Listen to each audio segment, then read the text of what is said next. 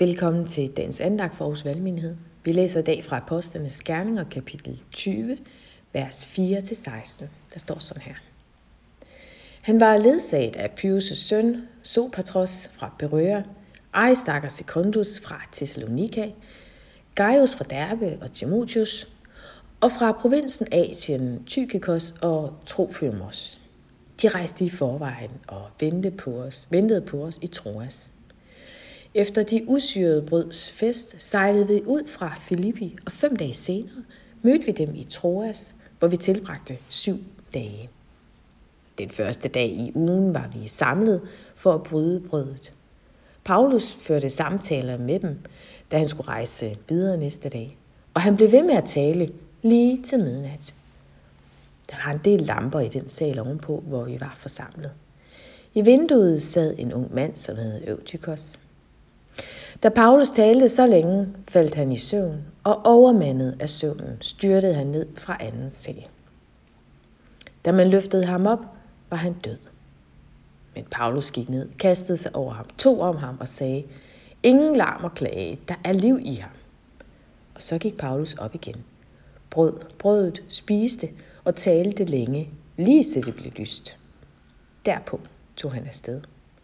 Den unge mand bragte de hjem i live, og de blev ikke så lidt trøstet. Vi var i forvejen gået ombord og sejlet til Assos, hvor vi skulle tage Paulus med. Sådan havde han bestemt det, for han ville selv rejse til fods. Da han mødte os i Assos, tog vi ham ombord, og vi nåede til Mytilene. Derfra sejlede vi videre og nåede næste dag på højde med Kios. Næste dag igen lagde vi ind til Samos, og dagen derpå nåede vi til Milet. Paulus havde besluttet at sejle forbi Efesos, for han skulle ikke bruge for meget tid i provinsen Asien. For han stræbte efter om muligt at være i Jerusalem til pinse dag.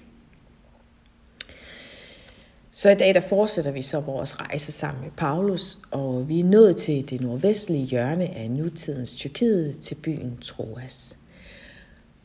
Og jeg bliver altid meget opmuntret, når jeg faktisk møder de her navne, der og stednavne, der optræder i øh, teksterne, fordi det understreger på en eller anden særlig måde, der tale om levende mennesker her.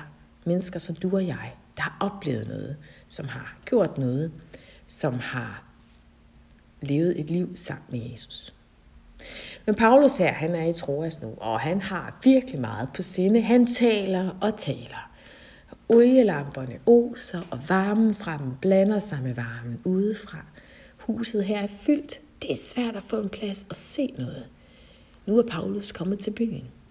Så den unge mand Øtikos, han har sat sig op i vinduet, men hen af midnat falder han i søvn.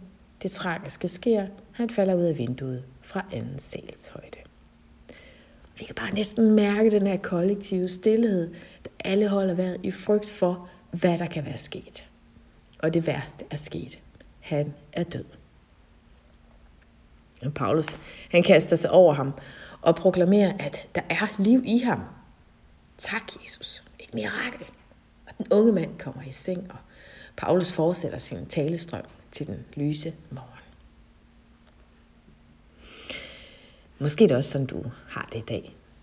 Du er helt udmattet og træt. Du er helt færdig med at høre på de stemmer, der er rundt omkring dig. Stemmer fra kulturen, krav, forventninger, udtalte og uudtalte. Måske også stemmer fra dig selv, der bare prøver dig af, hvor du hele tiden må måle dig med andre. Lave sammenligninger. Og vi bliver trætte. Og vi bliver bare nogle gange så trætte, at vi helt mister fornemmelsen og følingen med det, vi egentlig er her for. Med det, som egentlig giver os liv. Med det, som egentlig giver mening. Paulus han kom ned på gaden. Han proklamerede, at der er liv i Eutychus. Eutychus hedder han. Der er liv. Og i dag kommer Jesus til dig og proklamerer, der er liv. Der er liv i dig, og der er et liv til dig. Og det gør han, og det er der, fordi han giver livet. Han stiller sig foran dig, og han rækker dig livet. Han bærer dig. Han bærer dine bekymringer. Han giver dig værdi, fordi han elskede dig, før du overhovedet kunne give noget som helst til gengæld. Sådan er han. Det erfarede Eutychos den her varme sommeraften i Troas på den støvede gade, fuldstændig forslået og fortumlet. Må det også blive din erfaring i mødet med Jesus. Lad os bede sammen.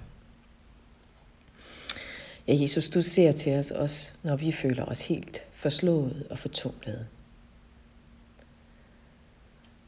Og Jesus, du kommer, uanset hvordan vi har det, og øh, giver dig selv til os.